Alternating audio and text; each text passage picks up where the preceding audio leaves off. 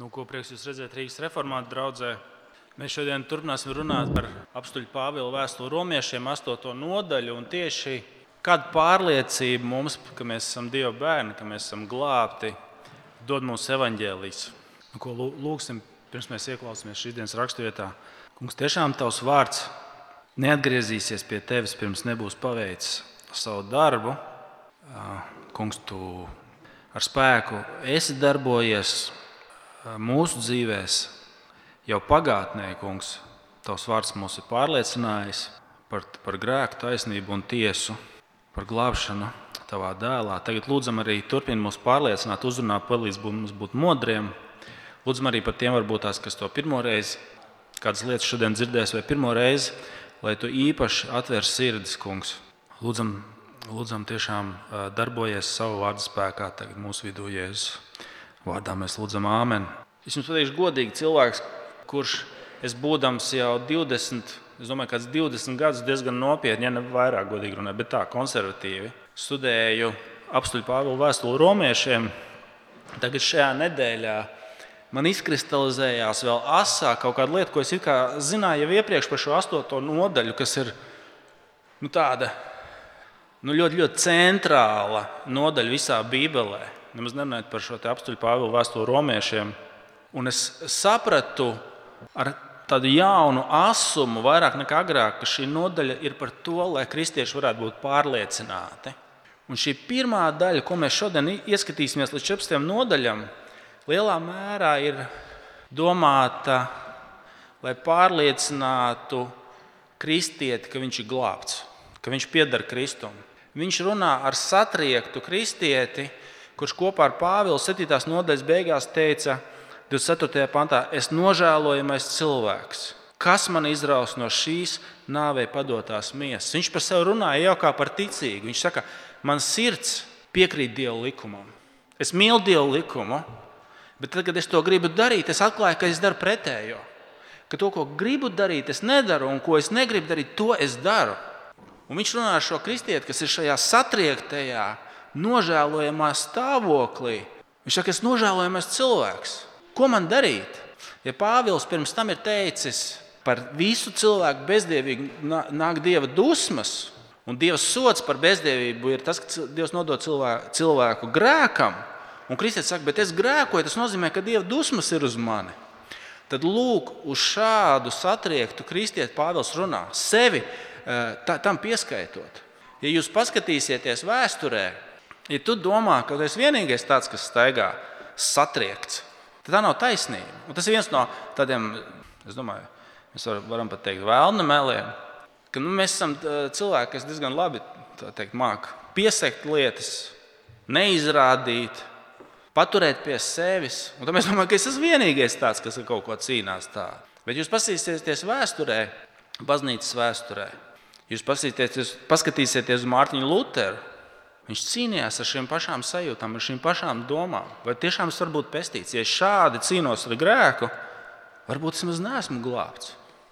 Čārls eh, Hedens Spērģents, angļu slavenais uh, baptistu sludinātājs, mocījās, mocījās ar, ar, ar sajūtām, ka viņš ir pazudis kā kristietis. Džons Banjans, ja jūs redzējāt nesen izdoto šo sveceļnieku takas grāmatu, Viņš savā biogrāfijā stāsta, ka es bieži biju satriekts par savu grēku, ka es neradu nekādu mierinājumu. Un jo vairāk Bībeli lasīju, jo mazāk mierinājumu es atradu. Ciemēram sakot, ja mēs domājam, ka tā ir kaut kāda unikāla pieredze, vai tev tikai kaut kāda unikāla, tā nav. Pats Pāvils par to runā. Un es pateikšu tā, vēl tas ir tāds preambula ievads. Pēc 25 gadiem vai pat vairāk kalpošanas man ir, man ir viens tāds novērojums es, man nav statistiskā aprēķina tam, bet liela daļa no kristiešiem visu laiku staigā stāvoklī ar sajūtu, ka es nekad, ar ko es nedarītu, es neesmu nekad gana labs. Tas man tāds, novēr, tāds, kop, tāds kopējs novērojums. Lai es darītu, ko darītu, es vienmēr esmu zem dieva dusmām. Es nekad neesmu gana labs. Tas ir mans personiskais novērojums. Tāpēc es domāju, šī tēma, šī raksturvieta varētu būt pavisam vietā. Vismaz daudziem no mums. Un tas, ko mēs redzējām pagājušajā, drusku atskatīsimies. Pirmā lieta, ko pateica, kura kristietis rod pārliecību par to, ka viņš ir glābts, ka dieva dusmas uz viņu nav, ka viņš skatās uz Kristu, uz to, ko Kristus par viņu izdarīs, par krustu. 8.1. Tiem, kas Kristu Jēzu, vairs nav pazudināšanas. Tiem, kas tic Kristu, Kristum, kas ir Kristu Jēzu, Tiem vairs nav pazudināšanas. Kāpēc? Viņš to paskaidro 4. nodaļā. Tāpēc, ka Kristus tika nosodīts, lai tev nebūtu jāsaņem sots. Tev vairs nav, ja tu tici Jēzum, pazudināšanas, tāpēc, ka Jēzus tika nosodīts. Tas sots, ko tu jūti, ko tu esi pelnījis, tika uzlikts Kristum. 4. pāns, sākot ar 3. Ja? Tad varat ieskatīties 3 un 4. Tā kā bauslība miesas dēļ bija nespēcīga, un to nespēja, Diev, Dievs grēka dēļ ir sūtījis savu dēlu grēcīgās miesas veidolā un tā miesā grēku notiesājis. Tāpēc tev vairs nav pazudināšanas, jo Kristu grēks tika notiesāts. Un kāds ir rezultāts? Lai bauslības taisnī, taisnība tiktu piepildīta mūsos. Tevī bauslības taisnība ir piepildīta vienotībā ar Kristu. Viss Kristus nopelns ir ieskaitīts tev, un viss sots tika ieskaitīts viņam. Un tava bilance vienmēr ir tikpat pilna, ja mēs lietojam bankas terminoloģiju, cik ir kristums, viss svētums, kas ir Kristus, pieder tavies. Tāpēc tev vairs nav nekādas pazudināšanas. Es teicu, tas pats, man šķiet, tas ir Čēlzas Spērģena citāts. Pirmā lieta, ko tev kristieti ir jādara, ir jāskatās uz Kristu. Tad, kad tu jūties pazudis, tev jāiet pie Kristus. Viņš ir vienīgais garants, tas, ko viņš ir izdarījis, ka viņš tika nosodīts. Un Spērģens sacīja, kad es paskatos uz Kristu, ko viņš ir izdarījis pie krusta, manā sirdī nolaižas miera balodas. Mieres ienāk manā sirdī. Bet, kad es savus acis no Kristus novēršu un pievēršu viņus sev, mieru balots aizlido. Tad, kad es skatos uz Kristu, man ienāk miers. Viņš ir bijis tas, kādam man bija jābūt. Viņš nodzīvoja to dzīvi, kas man bija jānodzīvo, un jā, nomira to nāvi, kas man bija jānomirst. Tad tā ir pirmā lieta. Tā, tā ir tā pirmā lieta, ko Pāvils pagājušajā mums parādīja. Kristū, tiem, kas tic Kristū, nav nekādas pazudināšanas, jo Kristū grēks tika nosodīts. Tas sots, ko tu biji pelnījis, Kristū tika nosodīts. Tā ir pirmā lieta, ko mēs redzējām. Bet tad, šajā otrajā daļā, un tie trīs punkti, kas jums ir priekšā, viņi visi ir saistīti ar svētā gara darbu un liecību kristiešu sirdī. Kaut kādas lietas, ko svētais gars izdara kristietī. Šajā gabalā ir 11 reizes pieminēts svētais gars. Un parasti ir pieņemts, ka reformāti par svēto garu nerunā, bet tā nevajadzētu būt. To mēs labāk izārstēsim. Ja? Un tas, šie, šie nākamie trīs punkti, ar, kurus, ar kuriem Pāvils grib tevi iepriecināt un iedrošināt, saktiek tev kristieti, saistīti ar to, ko svētais gars izdara ticīgā sirdī. Tas ir šīs dienas sprediķis. Trīs lietas. Pirmkārt, svētais gars kristietim iedod jaunu prātu, jaunu domāšanas veidu.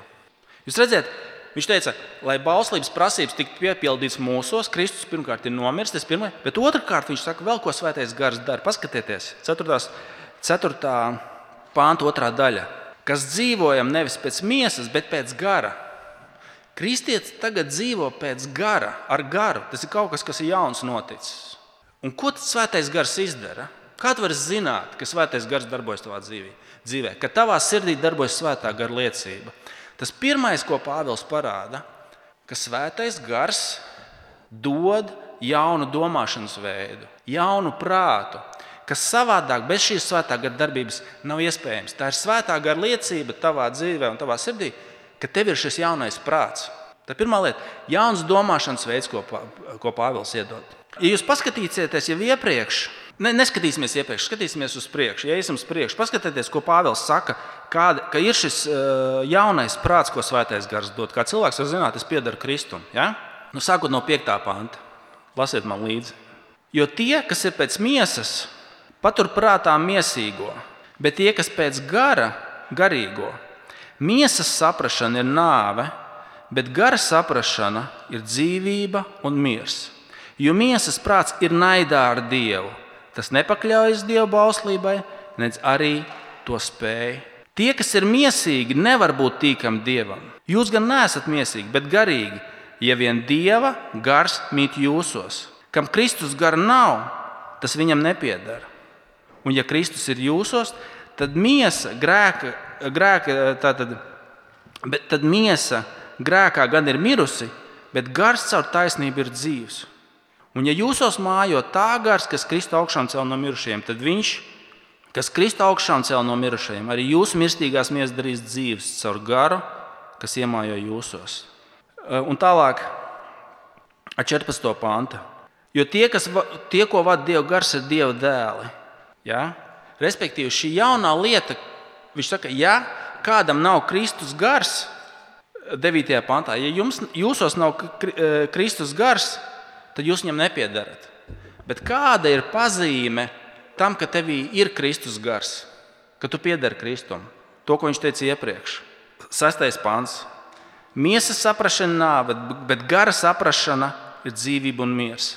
Gara saprāšana tas ir jauns domāšanas veids, tas ir jauns svētā gara iedēstīts prāts. Kā tu vari zināt, ka, ka tev ir šis Kristus prāts? Ka tev ir šī gara liecība. Tas, ka tu kopā ar Pāvilu saki, jā, kungam ir taisnība.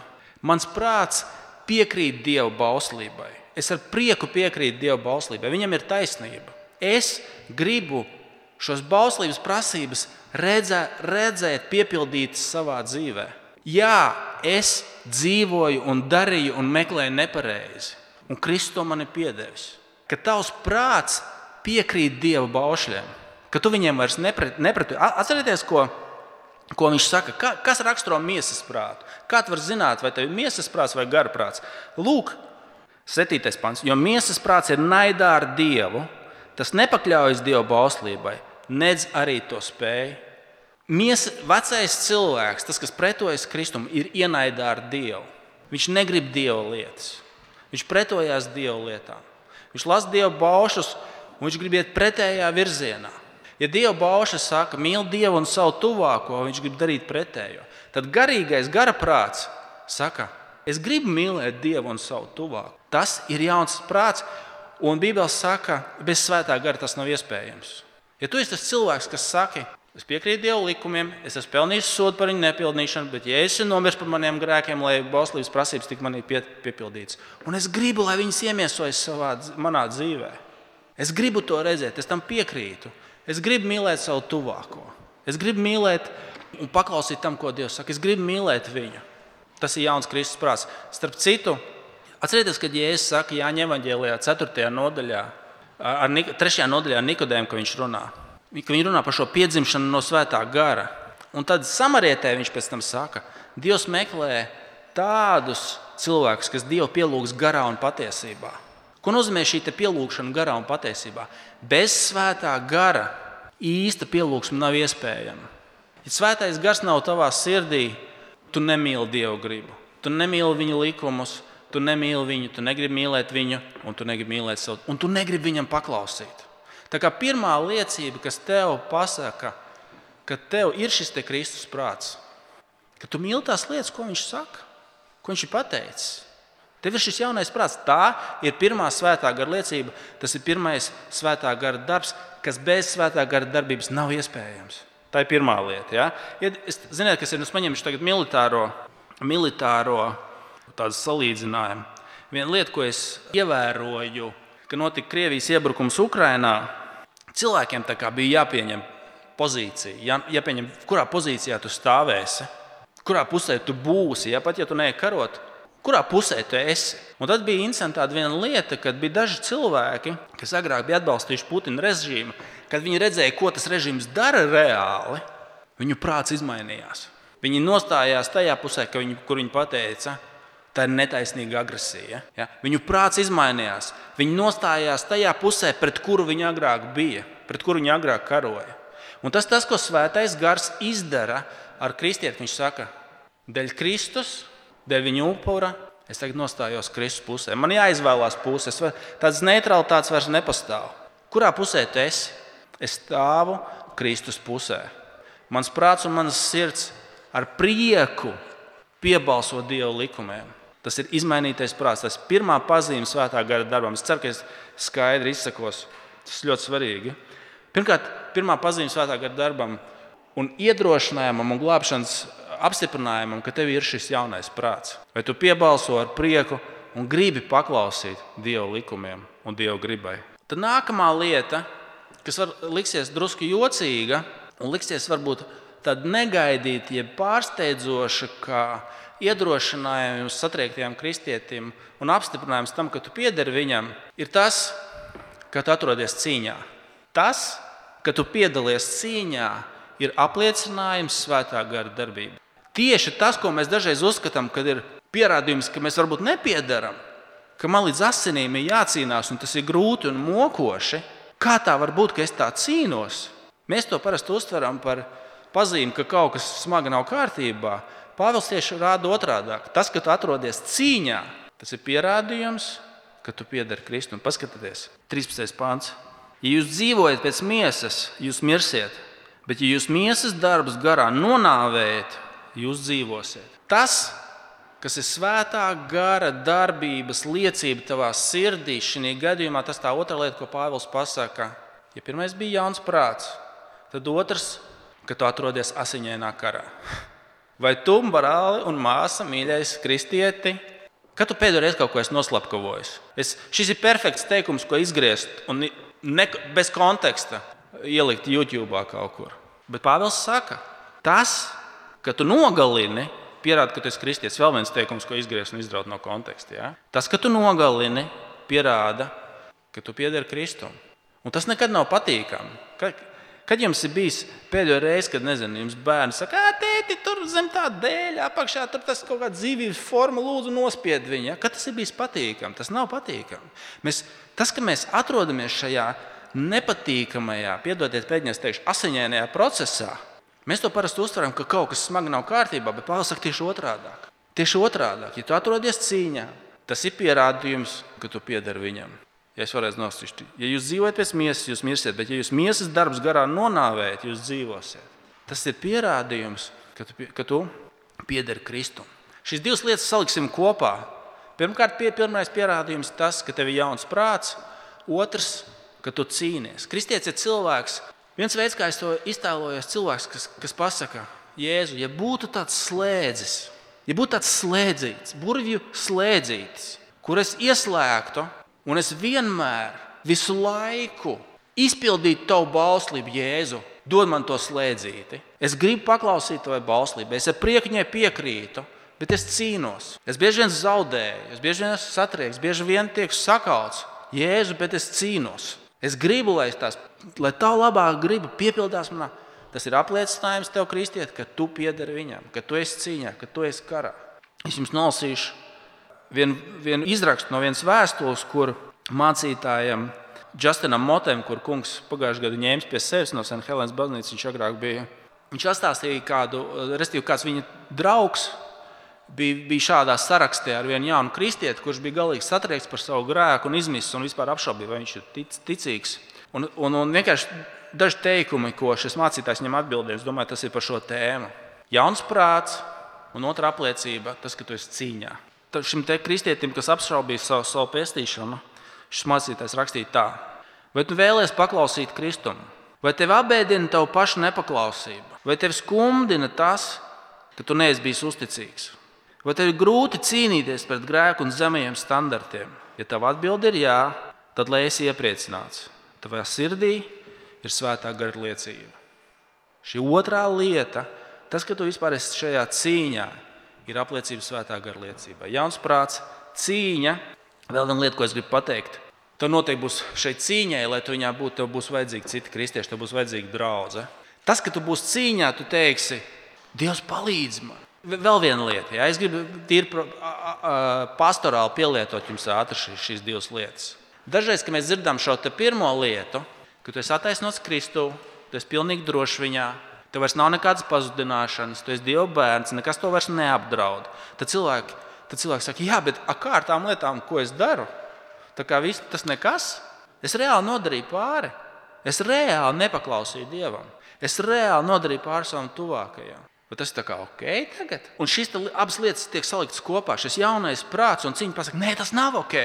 Kungs, Jēzus, palīdzi man. Kādi ir tie līdzekļi? Ko tu man dod, lai, lai, es, lai es varētu palikt šajā cīņā? Brāļi, māsas, palīdziet man, man ir vajadzīga jūsu kalpošana. Otrs, viena no jaunās sirds īpašībām, tas, ka, kā es varu palīdzēt. Kad tu, kad tu cīnies ar to, ka tu gribi domāt tikai par sevi, bet Dievs tev saka, klausies, tev ir jauns uzdevums. Ej, karo, ej, palīdzi ar citiem kopā. Ja? Bez draudzes tas nebūs iespējams. Vēl viena lieta, kāpēc tas ir svarīgi par šo cīņu, pirms mēs pārējām pie trešās lietas. Būs reliģijas tirgotāji, kas tev pateiks, ka nevajag būt cīņā. Būs reliģijas tirgotāji, kas tev pateiks, nevajag būt cīņā. Tas ir novecojušas, vecas, atpalikušas idejas. Tev jābūt cīņā. A, to nevajag. To nevajag cīnīties ar grēku. Tas ir vecmodīgs kaut kādas idejas par ka ir kaut kāds grēks. Tas ir vecmodīgs idejas par uzticību dievam, vai laulībai, vai seksualitāti, vai vēl kaut ko. Tas, tas viss ir novecojis. Tev nav jābūt cīņā. Būs reliģijas tirgotāji, kas tev pateiks, tas viss nav nepieciešams. Tas ir viens veids, kā tu, kas tev pateiks, nevajag atrasties tajā cīņā. Tas viss ir lieki. Bet tas, ka tu piedari Kristum, Pāvils saka, tas pasaka, ka tu būsi tajā cīņā. Restīvi, tu, tu, kā, tu jau gribēsi no viņas tikt vaļā. Varbūt tas ir kaut kāds viegls veids, kā no viņas tikt vaļā. Un tad būs cilvēks, kas teiks, jā, tu vari, te nevajag, tas nav nepieciešams. Un tas nav, tas nav kā Pāvils mums saka. Otrs, otra reliģijas tirgotāja, kas būs, kāpēc tas ir svarīgi mums šo dzirdēt, kas tev teiks, ir ļoti viegls. Viens, divi, trīs soļi, kā tu varēsi tikt no, cī, no cīņas galā, ka, tu, ka tas būs tagad viegli. Ka tev vairs nebūs līdz asinīm jācīnās, ka tas vairs nebūs sāpīgi un briesmīgi. Tev ir tikai jāizbrauc uz vienu vietu, jāiziet cauri šai pieredzēji, jāpiedzīvo viens, divi, trīs. Un tu būsi citā līmenī vienkārši. Cīņa kļūs viegla. Un kāpēc tas ir svarīgi? Tad, kad tu to pamēģināsi, un tu teiksi, nē, es tā kā neesmu gatavs sākt melot, ka tā cīņa ir, vai izlikties, vai tēlot. Tu teiksi, zini, kaut kas nav kārtībā, vai nu Dievs melo, vai es vienkārši esmu nederīgs. Bet šis reālisms, ko Pāvils saka, tas, ko tu esi cīņā, Tas tieši apliecina, ka tu piedari Kristum. Un tā cīņa nekad, nekad, nekad netiks, nekļūs vieglāka, kamēr mēs nebūsim pie Jēzus. Un tā ir trešā mūsu lieta. Tā ir trešā. Tā ir trešā. Ziniet, kāpēc tas ir tik svarīgi? Vēlreiz, ne, šis svarīgs punkts, tāpēc no viņa nekādīgi netiek projām. Vienreiz, kad es mācījos kaut kādā 9. klasē, vajadzēja acis pārbaudīt. Un, nu, kā kārtīgi padomju mediķi, ja, viņi man iepilināja to šķidrumu acīs, ja, lai tur zīlītes tur būtu zin, visā lielumā, ja, tā kā, šitie, kā viņi saucās, ja, tasīts lielumā. Un viņi, protams, man aizmirst pateikt, ka es neko tādu nu, kādu laiku neredzēšu tūmā. Ja. Nu, Pēc kam tas bērnam jāzina? Ja? Un es iekāpu tramvajā, pastos pulksni, un es neko neredzu. Un man, protams, nu, kā jau tādam tīnim nepieliec, ka okay, tas bija kaut kāds šķidrums tur. Ja? Viņš paplašināja zīlīti, dēļ tā es tur nu, tūmā vairs neko neredzu. Es, es šai loģiskajai ķēdītei neizgāju cauri. Es, es vienkārši biju absolūtā panikā, ka kaut kas noticis, ka man ne, neatgriezeniski ir uh, izmainīta redzes tagad. Ko es gribu teikt? Ja tev pasaka iepriekš, būs tā un tā, bet neuztraucies. Tas viss ir ok. Tas viss ir ok. Tā ir daļa no, no, no, no stāsta un patiesībā daļa no tā, ka tu piedari Kristum. Tas, ka tu esi cīņā, tas neaizdzen Kristus klātbūtni no tevis. Okay? Tas ir baigs, tas ir ļoti svarīgi, supersvarīgi zināt. Bet trešā lieta, ar ko Kristus mūs iepriecina, ar ko Pāvils mūs iepriecina, ka mēs tikko teicām, ka mums, ka ticīgo gaida laba nākotne, laba nākotne ar pilnīgu glābšanu. Ka tāpat kā Kristus tika uzcelts no mirušajiem, arī mūsu miesa. Paskatieties, kā Pāvils Kā viņš apraksta kristiešu stāvokli 10. pantā? Viņš saka, ja Kristus ir jūsos, gars jūsos ir dzīves, tu esi jauns cilvēks, bet miesa joprojām ir mirusi. Tā cīņa turpinās. 10. pāns. Un ja Kristus ir jūsos, jūsos tad miesa grēkā gan ir mirusi. Kristus ir jūsos, bet miesa ir mirusi. Jūs saprotat? Kristus ir jūsos, bet miesa ir mirusi. Lūk, lūk kur tā cīņa. Un tagad tev būs 60 un 70 Tā cīņa mainīsies, bet viņi nebūs mazāk. Viņi tur ar citām lietām vienkārši cīnīsies. Ja? Viņi būs. Bet tā labā ziņa, kad kristieti gaida nākotni ar dziedinātu miesu, ar jaunu miesu, kā Kristus tika uzcelts, tad tu tiksi uzcelts jaunā miesā. Redziet, 11. pāns. Un ja jūsos mājo tā gars, kas Kristu augšām cels no mirušajiem, tad viņš, kas Kristu augšām cels no mirušajiem, arī jūsu mirstīgās miesas darīs dzīves caur savu garu, kas jūsos ir iemājojis. Ar to garu, kas jūsos jau ir iemājojis, kas devis to jauno prātu, kas liek tev atrasties cīņā. Viņš arī uzcels tavu miesu, kuru vairs negrēkos. Ziniet, kāpēc tas ir? Es, es gribu pateikt, svarīgi. Cik, par cik lietām šajā pasaulē, ja jūs paņemsiet apkārt kultūru, Paņemsim pēdējos trīs, uh, trīs gadus no 2020. gada, ko mēs tagad labi atceramies. Atceramies, kas ir noticis, ja? kas notiek katru dienu. Cik apkārtējā kultūra var būt droša par nākotni, par to, kas viņus gaida nākotnē. Es jums varu pateikt, nulle. Tam nevajadzētu būt nekādām šausmīgām revolucionārām ziņām, ko es jums tagad saku, ja? bet tā ir nulle. Vienkārši nulle. Man vienmēr šokē ekspertu vispār neizpratni par to, kas būs. Tad šokējoši piemēri, vienkārši šokējoša neziņa, pilnīgas kļūdas savā nākotnes uh, projekcijās. Es vienkārši tādu super piemēru pateikšu. 1992. gadā, tad, kad uh, tika nograuts Berlīnas mūris, pēc tam kad sabruka šī lielā cīņa starp austrumu un rietumu bloku, ja starp NATO un Padomu Savienību, liel, liel, liel, liel, lielais konflikts ja, ar kodolieročiem un visu. Francis Fukujama uzrakstīja grāmatu, kas saucās The End of History, vēstures beigas, kur viņš būtībā pateica, viņš saka, viss lielais konflikts ir atrisināts, lielā pretī stāvēšana ir beigusies, un ar to ir iezvanīts vēstures beigas. Vēstures beigas tie izpratnē šeit kaut kāda cīņas, konflikta. Tagad būs tikai šī ekonomiskā un visāda veida augšupēja, sadarbība, kooperācija, ekonomiskā attīstība, progress, vēstures beigas.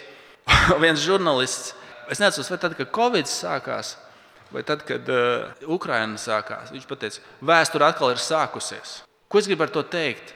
Lai kādi, cik gudri un kādi eksperti jums neko nesaka, kā viņi zina, kas tagad notiks, ka vēsture beigusies vai, vai, vai vēl nav kaut kas cits. Viņi nevar būt pārliecināti ne par ko savā nākotnē. Bet tu, kristieti, tu, kristieti, vari būt pilnīgi drošs par vienu lietu. Tu vari nezināt par nākamajiem 10, 20, 30 gadiem savas dzīves.